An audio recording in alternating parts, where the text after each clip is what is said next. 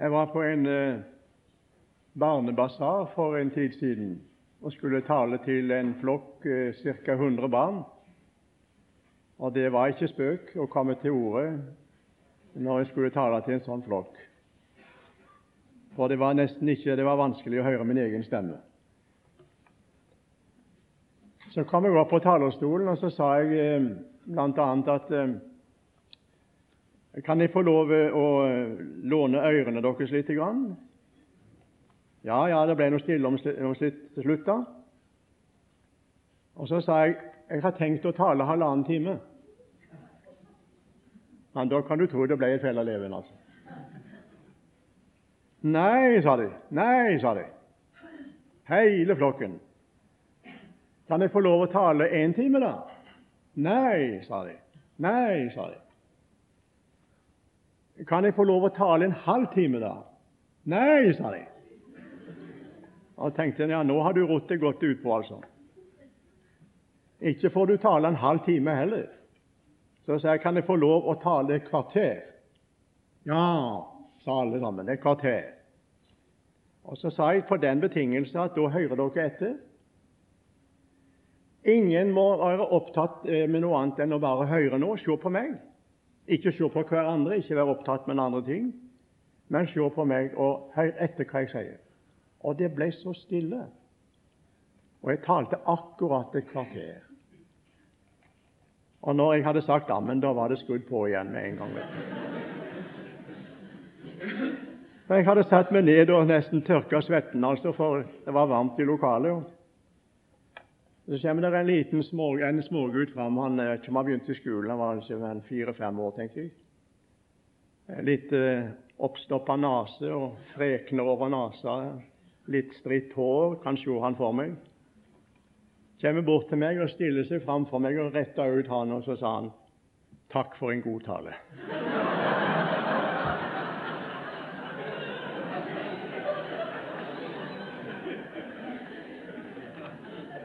Ja, det er moro altså når du er med på sånne ting. Jeg skal ikke tale et kvarter, jeg skal ikke tale en halvannen time heller. Jeg skal tale i ja, til halv halv, halv sju. Det er greit at vi kan ha det så fritt, ikke sant? Og ha litt morsomt også. Det som da er emnet mitt videre her, det er det vi har i kapittel 8 i Hebreabrevet, som jeg begynte på i formiddag og skal fortsette med nå utover. Det er en hovedsak i frelsens budskap en hovedsak i frelsens budskap. I formiddag så talte jeg litt om hebreerbrevet. Jeg skal ikke repetere noe om det. Og Jeg nevnte spesielt tre ting da. Jeg nevnte det her at hebreerbrevet har ingen forfatternavn. Det var det første. Og så talte jeg om, eh, sa vi litt om dette med hebreerbrevet som avslører den gamle pakt på en tror jeg kan si det på en negativ måte, det vi talte om i formiddag.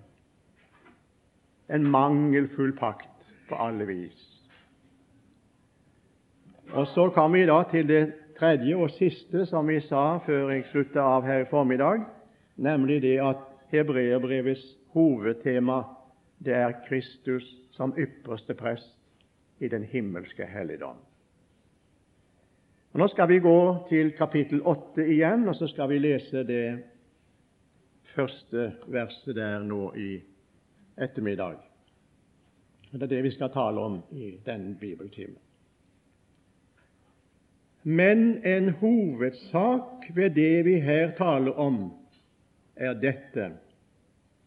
Vi har en slik ypperste prest, en sådan, som satte seg ved høyre side av Majestetens trone i himlene.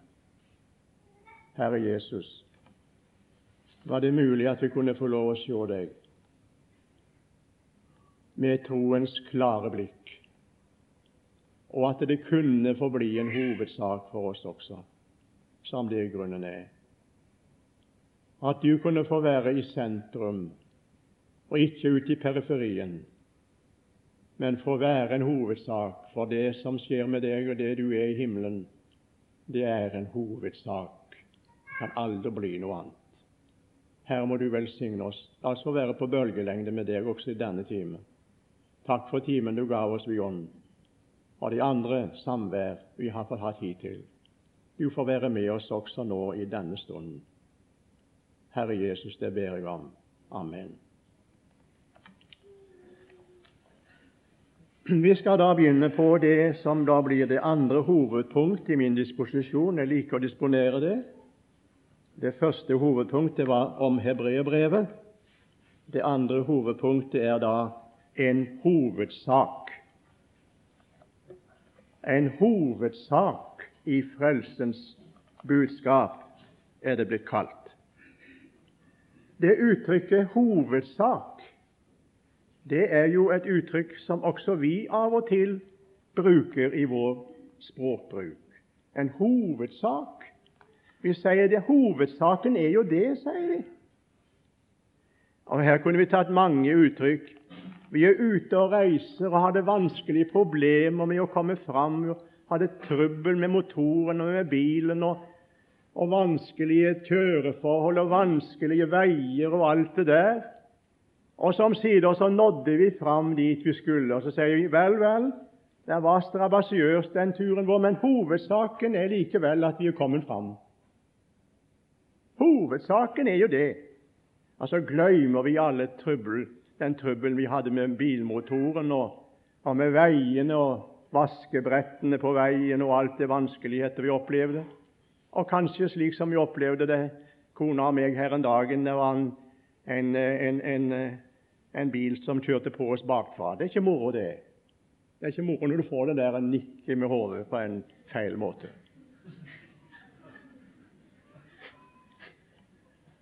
Så sier vi ja, vel, vel, det var vanskeligheter, vi opplevde vanskeligheter, men eh, så kom vi fram, og det er jo selve hovedsaken. At vi nådde fram. Det er hovedsaken, det. Så glemmer vi alle de andre saker som var i bildet. Og Her kunne vi nevne også andre ting. Vi kunne si det som mange sier. Ja, hovedsaken er nå det at jeg har helsen og kan spise maten min og stå opp om morgenen og, og, og, og gjøre mitt arbeid. Det er det som er hovedsaken. Og hva hjelper det om det stelte en masse god mat på bordet hvis ikke du kunne spise? For hovedsaken er jo det at jeg kan spise den maten som blir satt på bordet. Vi bruker det uttrykket Hovedsaken, det er jo det. Og så nevner vi kanskje bisaker i mellomtiden. Hva betyr så uttrykket 'en hovedsak'? Og Jeg vil bare få lov å nevne det her, at det, det eneste plassen jeg finner i mitt Nytestamentet Jeg tror ikke det står i Gamle testamentet heller. Det uttrykket det er bare den ene gangen det er nevnt. Det står andre forbindelse. Det står hovedhjørnesten, brukes det uttrykket om Jesus. Hovedsummen står det også i Predikeren, tror jeg. Men hovedsaken er den eneste plassen det uttrykkes. Det er i Hebreerbrevet 8. Vi har en, en hovedsak for oss her, kjære forsamling. En hovedsak.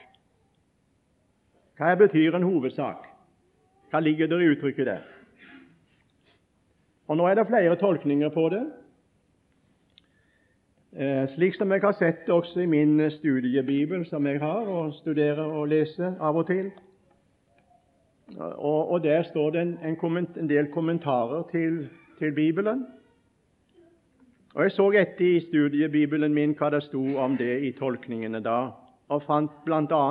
Jeg skal bare nevne tre-fire stykker her. Eh, I stedet for hovedsak så blir det brukt det uttrykket 'det store poenget'. Det store poenget kan du godt ta med. En annen bibeltolker han eh, bruker uttrykket i stedet for hovedsak, som det står i vår bibel. Hva står det forresten i den danske? Står det hovedsak? Hovedpunkt. Hovedpunkt. Ja, ja like, like fint, det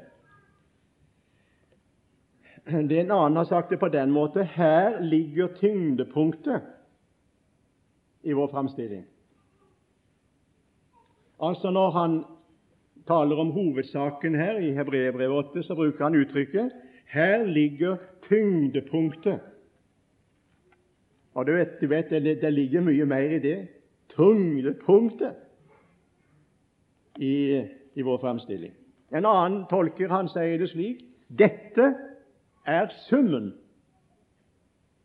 Dette er summen. Hovedsaken er, brukes uttrykket 'dette er summen'. Og en annen han uh, bruker det uttrykket 'dette er kjernepunktet'. Kjernepunktet. Vel, vel, jeg skal ikke si mer om det. En hovedsak kan iallfall aldri bli en bisak. La meg få understreke det. En hovedsak kan aldri bli en bisak. Det må være en hovedsak. En hovedsak kan ikke være noe perifert, noe som bare er med innenfor sirkelen. Jeg sa det til noen venner utenfor her i formiddag at navet på et sykkelhjul kan ikke stå 10 cm innenfor felgen. Det må stå i sentrum. Du kan ikke bruke det hjulet hvis navet var 10 cm bare innenfor felgen. Hvordan ville du sykle da? Nei, det må være i sentrum. Navet må være i sentrum, og spilene på plass, og ballongdekket og alt sammen i orden, og, og, og, så flotte greier. Hvis det er et nav som ikke er plassert riktig, en står på feil plass innenfor sykkelhjulet, ja, så vil ikke det hjulet kunne brukes. Og jeg vil gjerne si det her, en hovedsak må få være en hovedsak. Det må være en sentral sak. Hovedsaken er alltid en sentral sak i det forhold som det til enhver tid og tilfelle dreier seg om. Og Dette er veldig viktig for meg å understreke her nå, for nå skal vi inn i det Bibelen i Hebreerbrevet 8 kaller for en hovedsak. Og nå må ikke vi gjøre den til en bisak. Det skal vi ikke gjøre i forkynnelsen. Og Jeg må gjerne få lov å si la hovedsaken være hovedsak. Også forbisaker og de perifere ting det får komme i sin rette rekkefølge. Men hovedsaken må få være hovedsak. Og Det er veldig viktig for meg å understreke det. Eh, til våre danske venner her i dag så vil jeg gjerne jeg har nevnt noen fra, brødrene her, eh, og søster også, fra Danmark, at jeg har ei andagsbok som nå er kommet ut eh, på norsk også, som er skrevet av H.E. Nissen. Altså ikke en nisse, men en eh, forstander, eller rektor, er han vel ikke det? Rektor på eh, Hva heter det nå? Luthers misjonsforening i Hillerød, ja. Han har gitt ut en, en andagsbok som heter 'Etter nødvendig'. Mye godt i den. Eh, en av dagene her så hadde han eh, en fin andag, og jeg må bare få lov å, eh, nevne det, for det er i kontakt med det som jeg nå taler om. Han sier det slik, det er fra Hebreerbrevet 8. Det er alltid farlig å snu opp ned på tingene det gjelder i menneskelivet, og det gjelder i det åndelige liv. Når noe mindre vesentlig gjøres til det viktigste, blir hovedsaken skjøvet i bakgrunnen. Er du frelst av nåde, har du Jesus som ypperste prest. Han gjør tjeneste for deg i sin himmelske helligdom. Sammenlignet med det er alt annet underordnet det er nemlig forutsetningen for at du kan bli frelst. Og så sier han hvilken kraft ligger det ikke i det å la hovedsaken være det den er? Da faller tingene på sin rette plass. Satan prøver på alle måter å få deg bort fra hovedsaken. Det er underordnet for han opp, eh, av hva du er opptatt med bare det ikke er Jesus som frelser og forsoner. Ja, det er så sant, så sant. Og Jeg må gjerne få lov å understreke dette at hvis hovedsaken blir hovedsak, så vil de andre ting komme på sin rette plass. Vel, vi kan ikke si noe mer om det der, men eh, jeg vil gjerne bare få lov å nevne det at en hovedsak det er en sak som da er i sentrum, og må få være i sentrum, ikke være noe perifert i vår forkynnelse heller. Noe vi bare tar med i forkynnelsen som en liten, som en liten bisetning til det hele. Jeg vil gjerne få lov å si det er det en hovedsak for Gud, må det være en hovedsak for oss. Og Derfor er det veldig viktig for meg å understreke det her i dag og i min forkynnelse ellers, nemlig at det som Gud har satt i sentrum for frelse og liv, helliggjørelse og tjeneste, det må få være i sentrum i vår forkynnelse også. Og Det er så sant som hun sang det her Du bringes til ro ved enkelt å tro at Han døde på korset for meg. Tendensene i våre dager det er jo denne her at en gjør bisaker til hovedsaker. Slik er det vel i Danmark også. Slik er det her hos oss også. En eh, fokuserer, fokuserer ting som har med underordna ting å gjøre, perifere ting å gjøre, vel innenfor sirkelen, men en fokuserer det slik at det blir et sentrum. Og så blir det rette sentrum kanskje ikke snakket så mye om. La meg bare få lov å nevne det her ganske kort innledning i, i, i denne andre bibeltimen her. Jeg tror du, du, Vi finner oss igjen her i vår tid. En er mye mer opptatt med gavene, de åndelige gaver, enn med giveren. Det er han som er hovedsaken. En taler mer om vandringen som en kristen har i denne verden, enn en taler om stillingen i Kristus. Det er hovedsaken. Og Jeg tror ikke jeg, jeg, tror ikke jeg sier for mye når jeg sier det at det tales veldig mye omkring i våre bedehus og i våre forsamlinger om hvordan en skal vandre som en kristen. Du må være det, og du skal være det, og du bør være det. Du er ikke det.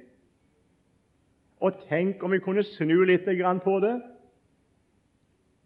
og at vi kunne få gå ut fra det rette, det rette utgangspunktet venner, for en kristen vandring. Det er stillingen, det. Og Jeg har sagt det så mange ganger, og jeg vil gjerne si det her i dag òg. Vandringen påvirker ikke stillingen. Den er stabil om vandringen kan være så vanskelig. Jeg pleier å gjøre det slik at jeg tegner en, en lodd, i horisontal linje. Det er stillingen i Kristus, mens vandringen kan være så opp og ned. Den er ustabil. En dag så er du på toppen følelsesmessig og sier halleluja, priser Gud, det er godt å være frelst. En annen dag så føler du faktisk at ingenting. Men stillingen er stabil om du kan føle vanskeligheter i vandringen. For stillingen blir ikke påvirket av vandringen. Men hør nå, venner. Det er min erfaring i snart 50 år. Det er det. Stillingen påvirker vandringen. Du kan være så sikker. Har du fått virkelig blitt satt med Jesus i himmelen, og livet ditt er skjult med Han i Gud, som det heter i Efeserbrevet og Kolossenserbrevet 3? Feserbrevet 2, Kolossenserbrevet 3, så er stillingen din stabil der. Lever du i der? Lever du der? Inntar du den stillingen? Blir du slik som du er? Bli det du er, som han sier Luther. Bli det du er. Nå skal jeg si deg at skal på, det skal påvirke vandringen. Da blir vandringen annerledes. Da blir vandringen deretter. Men det er ikke vandringen som er det primære og hovedsaken. Det er stillingen. Men stillingen påvirker vandringen. Eh, for det, Jeg må nevne en par ting til her, for jeg tror det er veldig aktuelt å, å understreke det. En søker mer etter åndelige, subjektive opplevelser i en eller annen form. Det gjør man i dag. Og det har vi, det har vi Jeg kan godt få si det rett ut, altså, at her, her er mange som biter på kroken fordi at det er en stemning, en subjektiv opplevelse av en eller annen form, og så er en ikke så nøye med hvor den går ut ifra, den formen. Jeg er blitt forskrekka mye over det som skjer i våre dager. At kristne mennesker det bare viser én ting, og det er det at de er lite grunnfesta i evangeliet. Så biter på det ene agnet etter det andre og sier også denne opplevelsen det var en, en Kristusopplevelse, en åndelig opplevelse. Den må jeg ha. Og så er det ikke et spørsmål om, om det går ut ifra den sanne Guds ord, ut ifra Bibelen. Det er alvorlige ting å tenke på det. En søker etter åndelige opplevelser, åndelig eh, en eller annen form, åpner seg for den, i stedet for det at en skulle Kan jeg få lov å si det slik?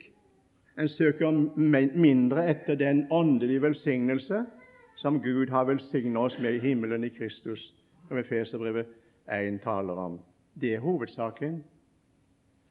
Kjære venner, det er ikke en subjektiv opplevelse først og fremst som er, som er hovedsaken i vårt kristenliv, men det er den objektive sannhet som vi skal få lov å ta imot.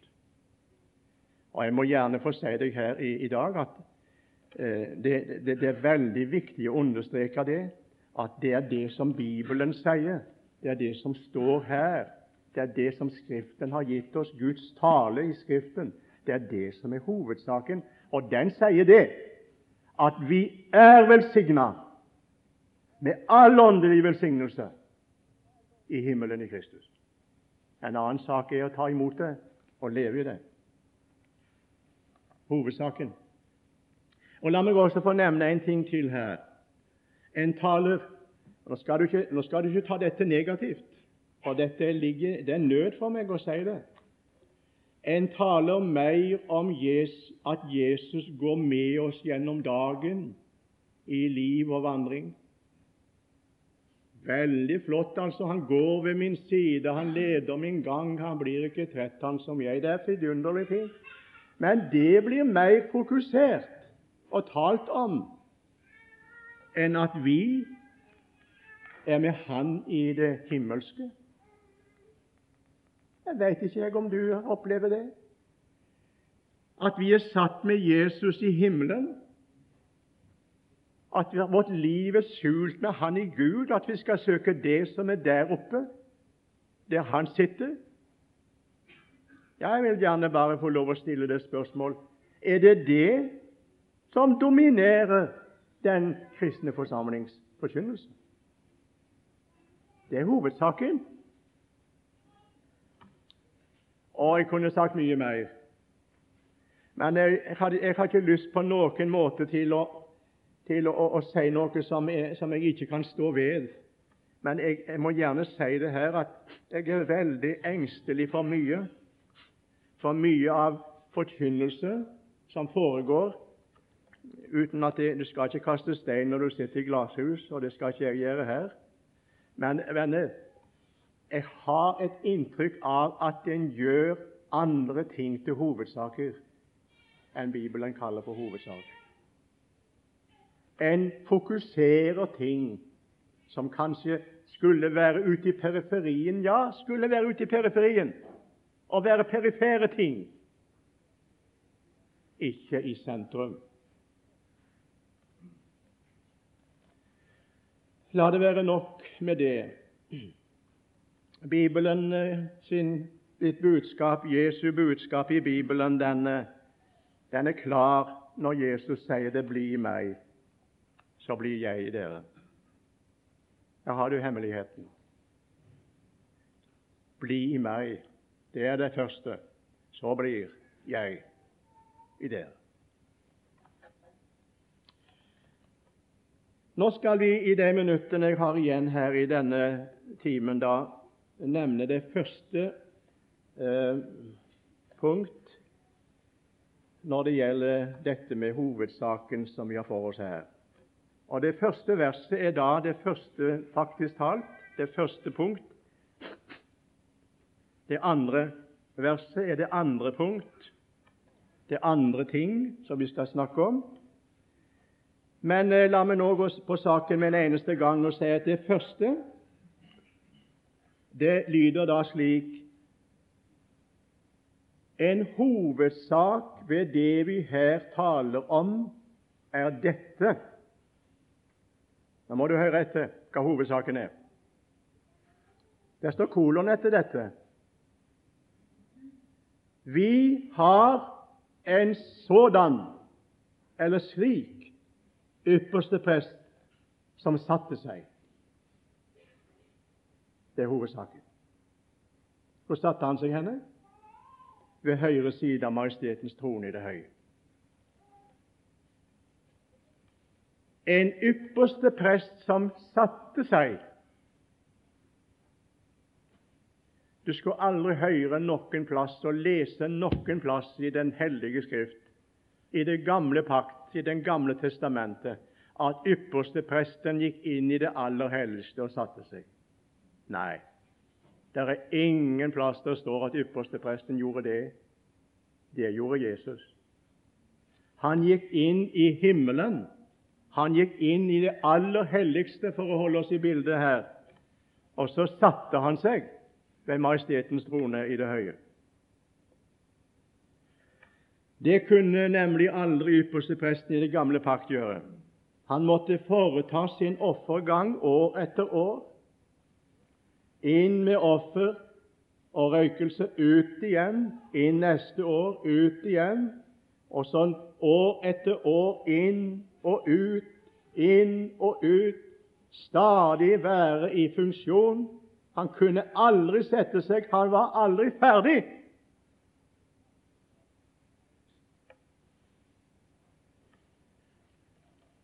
Det var ikke mulig for han å sette seg der inne. Og Hvis at ypperste presten gikk inn i det aller helligste der, så hvis han ikke kom ut igjen, så var det bare én ting da som hadde hendt med han, og det var det at han må ha dødd der inne. Han måtte ha dødd. Han kom ut igjen, og så løftet han sine hender, og så velsignet han dem. Herren velsigne deg og bevare deg. Herren la sitt ansikt lyse mot deg og være deg nådig. Herren løfte sitt åsyn på deg og gi deg fred. Det er aronitiske velsignelse. Han satte seg aldri. Og Du kan selv lese det i, i 2. Mosebok, det 28. kapittelet. skal ikke slå det opp, men du kan gjerne ta det med. Vers 31-35. Om bjellene på yppersteprestens kjortel når han eh, gikk inn i Og det ordna Gud. Jeg, jeg syns det er aldeles fantastisk, altså. Enda jeg pleier å si det at vi skal ikke bruke det uttrykket 'fantastisk' når vi snakker om åndelige, evige ting. For fantastisk, det kommer av ordet fantasi. Dette er ikke fantasi, dette er realitet. Men tenk på hvor Gud spanderte på den gamle pakts offertjeneste. Du kan lese selv lese i, i, i første Mosebok, eh, annen Mosebok eh, om dette, i, om, om, hvor Gud ordna med, med, med ofringene, med altertjenesten og alt det der, som bare var et bilde på det, det som skulle komme, et forbilde. Så kan du se hvor Gud kosta det. Det er kolossale ting, veldig flotte ting. Og Blant annet så hadde han på ypperste prestens kjortel nede ved kjortelens kant bjeller. Ei bjelle og et granateple. En bjelle og et granateple rundt hele den ypperste prestelige kjortelen. Så når han sto innenfor alt eh, ved nådestolen i det aller helligste, så hørte folket bjellene, og de forsto at han er i virksomhet. Hvis de bjellene hadde slutta å slå, ja, så var det bare én ting som jeg allerede har nevnt, at prest, ypperste presten må ha dødd der inne. Men han kom ut igjen. Det står om den Herre Jesus som vår ypperste prest i den nye pakt. Han gikk inn og satte seg og satte seg. Og der sitter han nå, ved Majestetens trone i det høye. i den himmelske helligdom, som ikke er gjort av menneskehender, og ikke er av denne skapning. Jeg kan lese de fleste bøker av Adolf Bjerkreim, far til Arnold. Og Jeg har gledd meg veldig over alle disse bøkene og alle det, det lyset denne mannen hadde i Guds ord. Jeg vil si det. Det er ikke noen som har vært til større velsignelse for meg, eh, bortsett da fra Bibelen og, og, og, og, det som der står, men med slik lys over Guds ord som han hadde. Eh, hørte mye han i min, i min tidlige ungdom. Jeg takker Gud for det han gav gjennom bøker og gjennom forkynnelse. Hvis du kunne, noen gang kunne sitte og høre og frigjort, var det under Adolf Bjerkreim sin talerstol. Du kunne høre deg frelst og fri. Så klar forkynnelse. Så har jeg hans bøker og har gledet meg som sagt mye over å ha dem. Også hans hebreerbrevtolkning. Og Nå sier han det om hebreerbrevet da, og ypperstepresten. I tabernaklet, sier han, var det ingen stol for ypperstepresten. Når han hadde båret frem sitt offer, kunne han ikke sette seg. Han måtte alltid innta en legemstilling.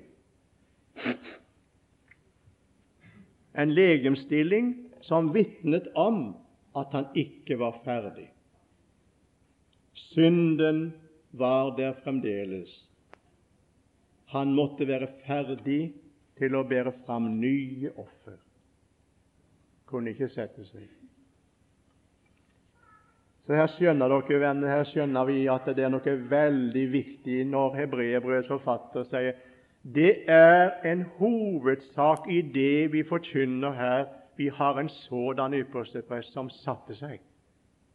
Ja, Da må det være en hovedsak. En veldig hovedsak. En viktig sak. At Kristus satte seg ved majestetens høyre hånd i det høye, det er en vidunderlig sannhet men det er og blir en hovedsak også i frelsens budskap når det gjelder vår frelse og vår bevarelse. Og La meg nå få nevne for det andre Det ligger veldig på meg å få gjøre. Det var Gud som satte ham der. Det står flere plasser at han satte seg ved, ved, ved, majestetens høyre hånd, ved Gud Faders høyre hånd i det høye. Det står mange plasser. Men to ganger så står det også Gud satte ham og Den første plassen det er i Salme 110. Jeg syns det er så flott å lese Salme 110, eh, det vitnesbyrd som David gir her om Kristus. Tusen år før Kristus. Så skriver han noe vidunderlig fint. I, den, I Den hellige ånd det sies det klart og tydelig at han sier Ånden taler i Ånden. Og Vi kan lese det første verset der, og vi kan lese også det fjerde vers, for det korresponderer med hebreerbrevet. Herren, Legg nå merke til, dette er Davids ord om Kristus før tusen år forut før Kristus kom. Herren sa til min Herre Legg nå merke til det. Det er min Herre han taler om her. Og Herre min Herre står med stor H i den nye oversettelsen.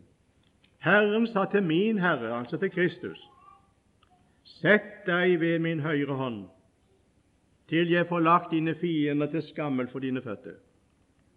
Herren sa. David hører han at Herren taler til han, og han hører det i sin ånd og taler. Og så sier han, han sa til min Herre, sett deg ved min høyre hånd. Og likeså i vers 4, også korresponderer med hebreerbrevet. Herren har sverget, han skal ikke angre det.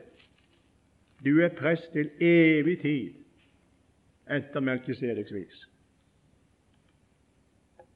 Gud satte ham ved sin høyre hånd.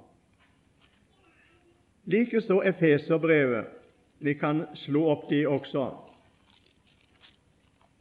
i det, kapittel, det første kapittelet i Feserbrevet. Der, der finner vi også i vers 20 Og Vi kan ta for, også for sammenhengens skyld eh, vers 19 og til 21. Efeserbrevet 1, 19-21. Og hvor overveldende stor Hans makt er for oss som tror, etter virksomheten av Hans veldige kraft. Det var denne han viste på Kristus da han reiste han opp fra de døde og satte ham ved sin høyre hånd i himmelen. Og Så skal du høre hva han sitter over. Det skal jeg komme tilbake til litt senere. Over all makt og myndighet, over alt velde og herredom, over hvert navn som nevnes, ikke bare i denne verden, men også i den kommende. Ja, kjære forsamling, det må være en hovedsak, dette her. Det kan ikke være en bisak. Det kan ikke være noe perifert. Det må være noe veldig, veldig sentralt når Gud sier 'Sett deg ved min høyre hånd'. Da er det Gud som har bestemt dette. Og da må det være noe som har skjedd i Guds hjerte. En ypperste prest, hadde han satt seg i helligdommen, hadde vært ferdig med en gang. Ypperste presten kunne aldri sette seg der. For Gud var ikke ferdig med, med, med, med å forsone synd. Forsone synd. Nå har det skjedd noe. Det har skjedd noe fantastisk. Veldig. Og hva er det som har skjedd? Gud er blitt forsona. Gud er en forsonet Gud. Min himmel er nå åpen. Dette at han satte seg ved majestetens høyre hånd, og ved det høyre side av majestetens trone i det høye, betyr da at Gud, venner, den tre ganger hellige Gud, den evige Gud, den store og veldige Gud, den Gud som Bibelen klart og tydelig presenterer for oss i Den hellige Skrift, han er tilfredsstilt. Kunne du ta med det?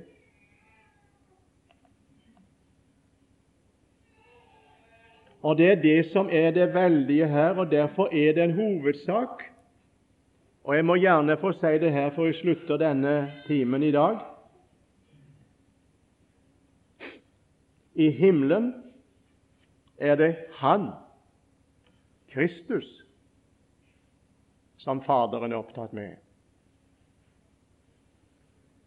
Derfor står det i Hebreerbrevet det niende kapittel Jeg skal ikke slå opp det nå, men vi kommer tilbake til det. Jeg synes det er så veldig å lese. Der står det det Han gikk ikke inn i en helligdom som var gjort med hender, men bare var et bilde av den sanne helligdom. Han gikk inn i selve himmelen, og nå skal du høre hva han, hva han gjør. Han gikk inn i selve himmelen for nå å åpenbares for Guds åsyn for vår skyld. For Guds åsyn.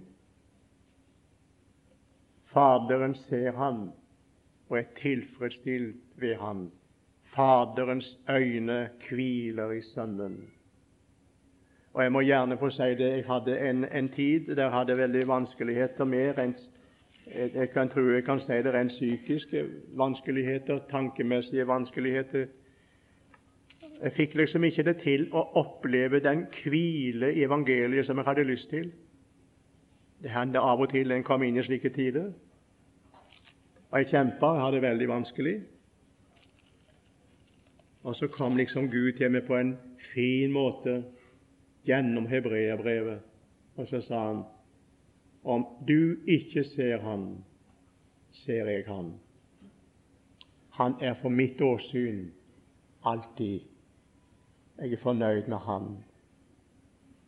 Og kjære unge og eldre venn, er det sant at dette med at Faderen satte Jesus ved sin høyre side i himmelen, er en hovedsak for Gud? så la det være en hovedsak for deg også. For det er det nemlig. Det er ut ifra det alt sammen skal fungere. Det er der det er stillingen din i Han, og hans stilling i himmelen for deg. Det er det som er hovedsaken. En hovedsak i det vi taler om her, er dette.